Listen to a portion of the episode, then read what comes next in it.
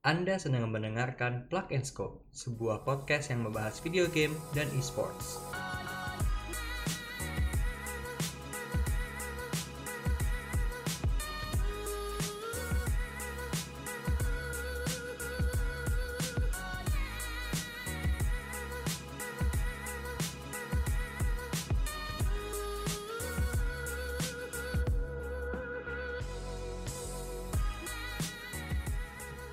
Halo guys, selamat malam dan selamat datang di podcast Plug and Scope. Podcast di mana yang akan membahas segala hal sesuatu dari esports dan dunia gaming secara keseluruhan. Uh, ini mungkin masih menjadi episode introduction ya untuk kami uh, untuk uh, Plug and Scope. Tapi kita di sini memang uh, menghadirkan podcast ini untuk berdedikasi kepada kalian dalam hal uh, menyalurkan informasi dan juga membahas segala sesuatu yang berhubungan dengan dunia game, video game ya dan e-sport juga. Nah di podcast ini uh, eh, gue nggak akan sendirian, gue akan ditemani dengan uh, oleh uh, caster yang sudah lama melang, melang, melanglang buana di dunia uh, e-sports, yang tidak lain adalah Florian George atau yang kalian kenal dengan Wolfie. Halo Wolfie, selamat malam. Halo, selamat malam Rama. Hai, apa kabar? Luar biasa meskipun harus stay at home. Stay at home. Oh iya guys, kalian juga stay safe ya di rumah karena ya lagi kondisi tidak tidak tidak ini ya, tidak memungkinkan untuk kalian keluar rumah. Betul, tapi tetap bisa beraktivitas juga, bisa main game, yang Tentunya. pasti harus di rumah aja. Harus di rumah aja. Siap. Oke, di podcast ini uh, gue nama uh, oh iya gue belum introduction diri gue sendiri men Oke, nama gue Rama, Ramadan Suyoharso. Kalian bisa panggil gue Rama. Gue di sini akan menjadi host kalian di uh, di podcast Plug and Scope ini.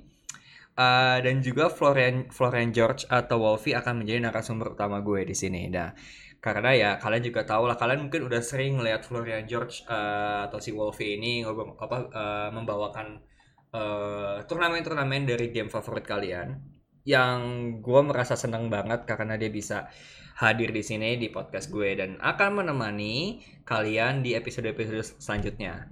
Nah, Flo, eh gue enaknya manggil lo Flo atau Wolf ini? Uh, Flo aja. Flo, oke, okay. Flo, oke, okay, Flo. Ini uh, kita nih lagi nggak bisa ke mana-mana, kan? Kita lagi nggak bisa ke mana-mana, terus kita juga harus uh, stay di rumah dan uh, salah satu kegiatan yang memang paling populer yang yang uh, dari data statistik adalah bermainin video game gitu. Nah, iya. Nah, lo kan lo kan lo lo lo sendiri sebagai orang yang setiap hari bermain apa uh, membawakan acara game dan uh, apa namanya berhubungan langsung dengan e-sports gitu. Uh, lo sendiri ada nggak sih kayak merasa jenuh gitu di rumah terus main game? Uh, jujur kita ngomong ya, karena kan baik lagi um, main game itu kadang-kadang gue juga lebih suka nongkrong misalnya hmm. kayak sambil ngopi sama hmm. teman-teman hmm. sambil nongkrong di rumah teman hmm. tapi dalam kondisi covid sekarang ya mau nggak mau meskipun mainnya sama teman tapi mainnya online full online gitu. hmm. jadi kadang-kadang jenuh juga kayak pagi sampai malam main main main terus kayak kapan nongkinya kapan keluarnya kapan kita uh, bercanda-bercanda bareng itu nggak ada. Jadi bersosialisasi secara normal iya, ya. ya nggak ada kan. Jadi ya cukup limited. Tapi ya gimana? Kita nggak nggak banyak pilihan lah sekarang. Kayak lu either main online atau nggak ya lu keluar bisa kena corona gitu. Iya tapi tapi flow ada ada ada satu lagi pilihannya sih sebenarnya. Apa tuh? Nontonin turnamen esports yang salah satunya Betul. adalah yang baru selesai kemarin ya PMPL ya Betul. Dan bisa bisa di sharing dikit tuh lo di PMPL gimana rasanya both lo ngelihat gameplaynya dari tim-tim yang yang yang yang udah yang udah bertanding dan juga lo uh, harus tetap casting di tengah kondisi seperti ini. Kalau kita lihat dari awal-awal ya, gue jujur agak kaget melihat hmm. perkembangan tim-tim di Indo. Gue kira top 8 itu bakal ngestom 16 lainnya. Jadi kayak hmm. 1 sampai 8 tuh ngestom uh, 9 sampai 24 hmm. gue kira. Hmm. Ternyata enggak. Sampai 24 pun itu banyak banget tim yang emang kuat banget ya. Hmm. Meskipun emang pada akhir musim adalah tim-tim yang bisa bilang masih kurang perform, tapi gue kaget bahwa uh, tim yang kuat bersaing itu sampai 16 sampai 17 18 pun menurut gue bisa bersaing sampai 18 besar. Hmm. Dan top 16 nya itu ngagetin banget. Tim-tim yang pas seasonnya itu perform, banyak hmm. yang underperform pas lagi di uh, finalnya. Kayak Boom Esport, kayak Aura, dan juga tim tim-tim lain juga banyak yang underperform. Malah tim seperti Onyx yang bisa dibilang lolosnya itu pas-pasan. Peringkat 15 atau 14 gitu lolosnya. Hmm. Itu malah lolos peringkat 3 di Indonesia dan mau jadi wakil Indonesia. Oh, dan tim bahkan kayak The Pillars, tim yang pas awal tahun ini dia dari komunitas. Hmm. Dia dari klannya EVOS, hmm. lalu GoPro, dan akhirnya dia masuk ke empat besar. Bahkan hari pertama, hari pertama di final, itu BTR kalah poin sama mereka. Oh ya? Iya, hari kedua baru dibalap sama BTR. Oke, padahal BTR itu juga udah terkenal ya. Maksudnya Juara kan dunia gitu. PNC ya, meskipun waktu itu belum ada Microboy, ya kan? Iya. Nah, tapi gue pernah, gue gua ada yang menarik nih, ada yang menarik. Gue waktu itu sempat baca salah satu, uh, di salah satu media lokal yang membahas soal e-sport juga, uh. lo menaruh perhatian yang cukup besar pada tim yang namanya Morph. Oke. Okay. Kenapa tuh? kalau menurut gue pribadi ya. Uh, Iya, karena menurut gue pribadi nih, karena kan kalau yeah. yang di iya. media kan sudah sudah sudah dipercantik nih. Gue pingin yeah, so, gue pingin dengar dari menurut lo sendiri, Flo.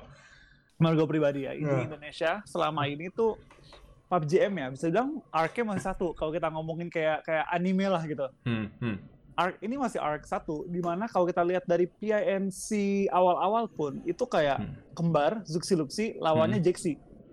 Jexi, oke. Okay Ya, dan sampai sekarang pun menurut gue pribadi masih dari rivalitas uh, dulu kan bilangnya BTR sama EVOS. Hmm. Tapi sejak EVOS di, uh, ke, uh, nya keluar dan akhirnya Jaxi pindah ke Morph, tetap aja El Clasico-nya itu BTR lawan Morph. Jadi makanya gue lebih simpulinnya itu El Clasico-nya itu sebenarnya bukan bukan BTR lawan Morph, tapi kembar lawan Jaxi. Karena itu yang menjadi kayak apa ya, sorotan gue pribadi ya.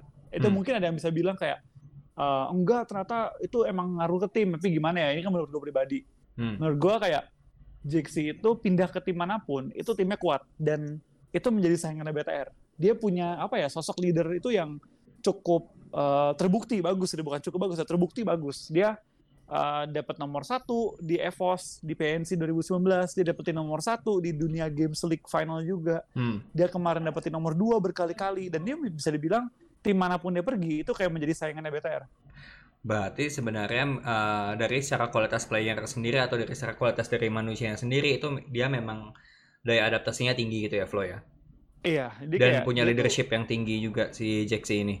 Itu sih menurut gua kayak Jaxi satu dari sedikit pemain Indonesia yang benar-benar jadi sosok leader yang benar-benar terbukti bagus gitu loh. Gak hmm. cuma mungkin ada kan leader yang cocoknya cuma sama player-player ini tapi Jaxi kayak pindah tim pindah itu masih terbukti bagus nggak nurun performa dia dan performa timnya juga berhasil tingkatin sama dia justru dia bisa melit tim yang baru yang baru lahir ini meskipun ada ada beberapa nama yang udah sering melintang juga ya di turnamen Betul. di turnamen PUBG tapi kan ini tim baru uh, apa namanya sinkronisasinya juga juga juga baru sinergi juga harus baru tapi si Jaxi ini berhasil uh, membawa tim Morph uh, menjadi salah satu kontender yang patut dan mungkin wajib dipertimbangkan ya di kancah PUBG M Betul. untuk di ke depannya. Nah, ya, tapi selain Morph juga hmm. uh, kalau dibaca ada berapa lagi sih yang gue masih taruh perhatian juga. Oke. Okay. Terutama untuk tim-tim yang lagi naik daun banget ya waktu itu. Gue hmm. sempat sebut-sebutin yang dark horse banget tuh kayak Red Rocket yang secara Red mengejutkan hmm. di regular season itu dia menempatin tiga besar. Padahal hmm. dia adalah tim dari open qualifier bahkan open qualifier bahkan dia bukan oh, fighter datang dan pemain kualifikasi ya iya dari crew challenge kan mm -mm. Dan itu pemain yang bisa dibilang veteran cuma satu Kings dulu dia adalah pemain big veteran waktu PMSC 2018 turnamen pertama internasional mm -hmm. lalu dia sempat hilang dan sejak nggak main kompetitif di tingkat yang nasional ya Hmm. Lalu dia muncul kembali dengan Red Rocket dengan tiga pemain yang masih muda banget dan tiba-tiba hmm. mereka masuk ke dalam top 3 regular season. Nah itu udah mengejut, mengejutkan banget sih menurut gue pribadi ya, di mana dia membawa tim dengan umur yang sangat muda sampai ke top 3 meskipun di finalnya akhirnya dia kepleset. Oke, okay. mistake happen lah ya. Ya. Namanya juga mungkin baru baru baru pertama kali. Tapi uh, Flo, overall, overall PMPL yeah. ini, menurut lo Mengejutkankah hasilnya? Uh, mengejutkan mm, nggak mm, terlalu sih. Menurut okay. pribadi nggak terlalu. Kalau kita lihat yang kita ngomong akhirnya, hasil akhirnya hmm. itu hmm. top tiganya adalah BTR sesuai Hmm. prediksi hampir 99 orang lah Hmm. BTR juara. Hmm. Nomor dua Morph ya, balik Morph. lagi rivalitas antara kembar lawan Jaxi. Hmm. Lalu yang ketiga, meskipun Onyx eh, bisa dibilang waktu regular season dia nggak terlalu bagus, Hmm. tapi kalau kita lihat komposisi tim Onyx, dia itu berisi pemain veteran dua, Hmm. ada Matthew sama ada Nick, itu pernah wakil Indonesia juga sampai ke luar negeri. Hmm. Lalu dia ada pemain pindahan PUBG PC, ada Kopin Lee. Kopin Lee, dia wait, Kopin Lee itu bukan RRQ ya tadinya ya? Dia RRQ, sama sama dia- Voldemort kan kalau nggak salah? sama Voldemort ya. Heeh. Oh oke, Nah, itu- Kopin Lee udah. Hmm, Oke, terus? Udah ter- lalu ada juga eh, KP pemain bisa dibilang lumayan baru tapi nggak baru-baru banget juga Hmm. sama Avirlo menurut gua Avirlo salah satu pemain apa ya yang cukup berbakat dia dulu main di Bahampas dan akhirnya main di Hmm. Onyx dan aim dia keras banget jadi emang komposisinya Onyx bisa dibilang kalau kita ngomong di atas kertas ya Hmm. nggak sampai menakjubkan nggak sampai wah Hmm. banget tapi mereka Hmm. konsisten mereka pemain yang konsisten banget dan terbukti di grand final yang semua tim tuh kayak scrambling dia tuh pelan-pelan main santai main santai akhirnya masuk Berarti mereka bisa bilang cukup sabar ya dalam menerapkan strategi dan punya komitmen yang tinggi juga antara satu sama lain. Tapi memang, Betul. tapi memang Onyx ini memang em, tidak hanya di Mobile Legends ya. Maksudnya secara organisasi pun mereka juga salah satu yang eh, bisa dibilang eh, mungkin establish lah establish ya betul. Sudah ajak dan dan sudah dewasa dan kemarin gue juga sempat nonton eh, beberapa sih eh, matchnya gitu meskipun nggak semuanya. Satu hal yang mau gue yang mau gue point ini ini ini dari point of view gue ya. Ini ini Mhm. ini dari point of view gue bahwa eh, rotasi dari setiap tim itu eh, sekarang sudah mulai berbeda. Kalau kalau kalau gue rasa. Mereka mereka mereka kayak contohnya kayak eh, beberapa tim gue beberapa tim yang gue lihat itu yang di turnamen-turnamen sebelumnya bermain cukup pasif. Mereka mereka menunggu circle dan eh, bisa dibilang eh, apa ya ya pasif in general. Tapi di turnamen PMPL kali ini mer- mereka lebih bisa mem- memberanikan diri. Yang salah satunya yang gue lihat yang benar-benar agresif yang ya kayak kata lo si si siapa si Morph itu loh Hmm. Morph Morph gue rasa agresif dan apa ya ya terbayar sih sebenarnya menurut lo gimana menurut gua kayak ada dua tim sih yang Hmm. benar-benar agresif banget di Indonesia ya. terlepas BTR lah kita Hmm. ngomong BTR yang dari dulu agresif Hmm. Uh, Hmm. menurut gua Morph dan juga ada Aura menurut gua ini dua tim yang punya playstyle yang cukup mirip punya komposisi pemain yang sedikit berbeda Mhm, tapi apa ya playstyle mereka tuh in general lumayan mirip. Oke. Di mana mere- ini agresif banget mereka nggak pernah takut 4 lawan 4 dan mereka tuh kayak emang menurut gua kalau mereka- Morph sama Aura tabrakan tuh keras banget fightnya. 4 lawan 4 tuh Hmm. keras banget. Jadi apa ya dua tim ini tuh yang uh, cukup gue perhatiin juga sepanjang PMPL cuma Aura itu kadang-kadang tuh inkonsisten mereka tuh Hmm. bisa chicken lalu next game bisa tusun kalau Oke. Morph nggak apa ya nggak se eksplosif Aura kalau lagi Hmm. chicken tapi mereka tuh konsisten Oke, oke, oke. Itu menarik sih. Untuk itu hal-hal seperti ini memang memang memang memang menarik untuk dibahas dan untuk dibahas lebih detail ya. Karena Hmm. eh hype-nya PMPL tuh even buat gua yang yang nggak selalu mantengin PUBG M tuh kayak selalu lewat aja gitu di beranda YouTube gua kalau gua lagi nyantai akhirnya gua tontonin dikit-dikit dan emang ternyata hype-nya itu naik banget ya pas lagi kondisi kayak gini. Semua orang tuh nontonin, semua mata tertuju pada PMPL. Iya, Dan dan kayak bisa dibilang hampir setiap video streaming hariannya itu masuk ke trending juga di YouTube Gaming. Betul. Dan at least kayak top 10 lah masuk. Top karena 10. kalau lagi finalnya. Mm, pas kemarin yang final ya. ya tapi kan kemarin emang kita kan streaming di Facebook kan jadi Mm. mungkin nggak nggak trending YouTube dulu. Ah, tapi ya tapi eh, kemarin juga nonton juga cukup banyak sih sampai dua digit. Maksudnya 10,000 oh at least kalau yang gue No. lihat ya. 150.000 kemarin 150,000 oke. Berarti Iya. gue nontonnya awal banget itu.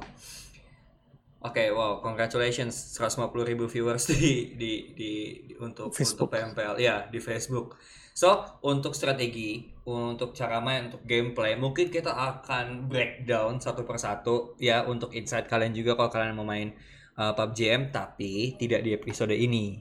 Nah, mungkin uh, di next episode kita akan membahas secara detail apa yang kemarin terjadi di, P- di PMPL mulai dari awal sampai akhir dan kita juga akan ngebahas lagi soal beberapa tim yang uh, menarik perhatian uh, caster kesayangan kita satu ini dan juga em, apa ya kita juga akan membahas uh, bagaimana PUBG M di, uh, di di Indonesia sepanjang di sisa 2020 ini. Mungkin ya di, di sisa 20, di 2020 ini.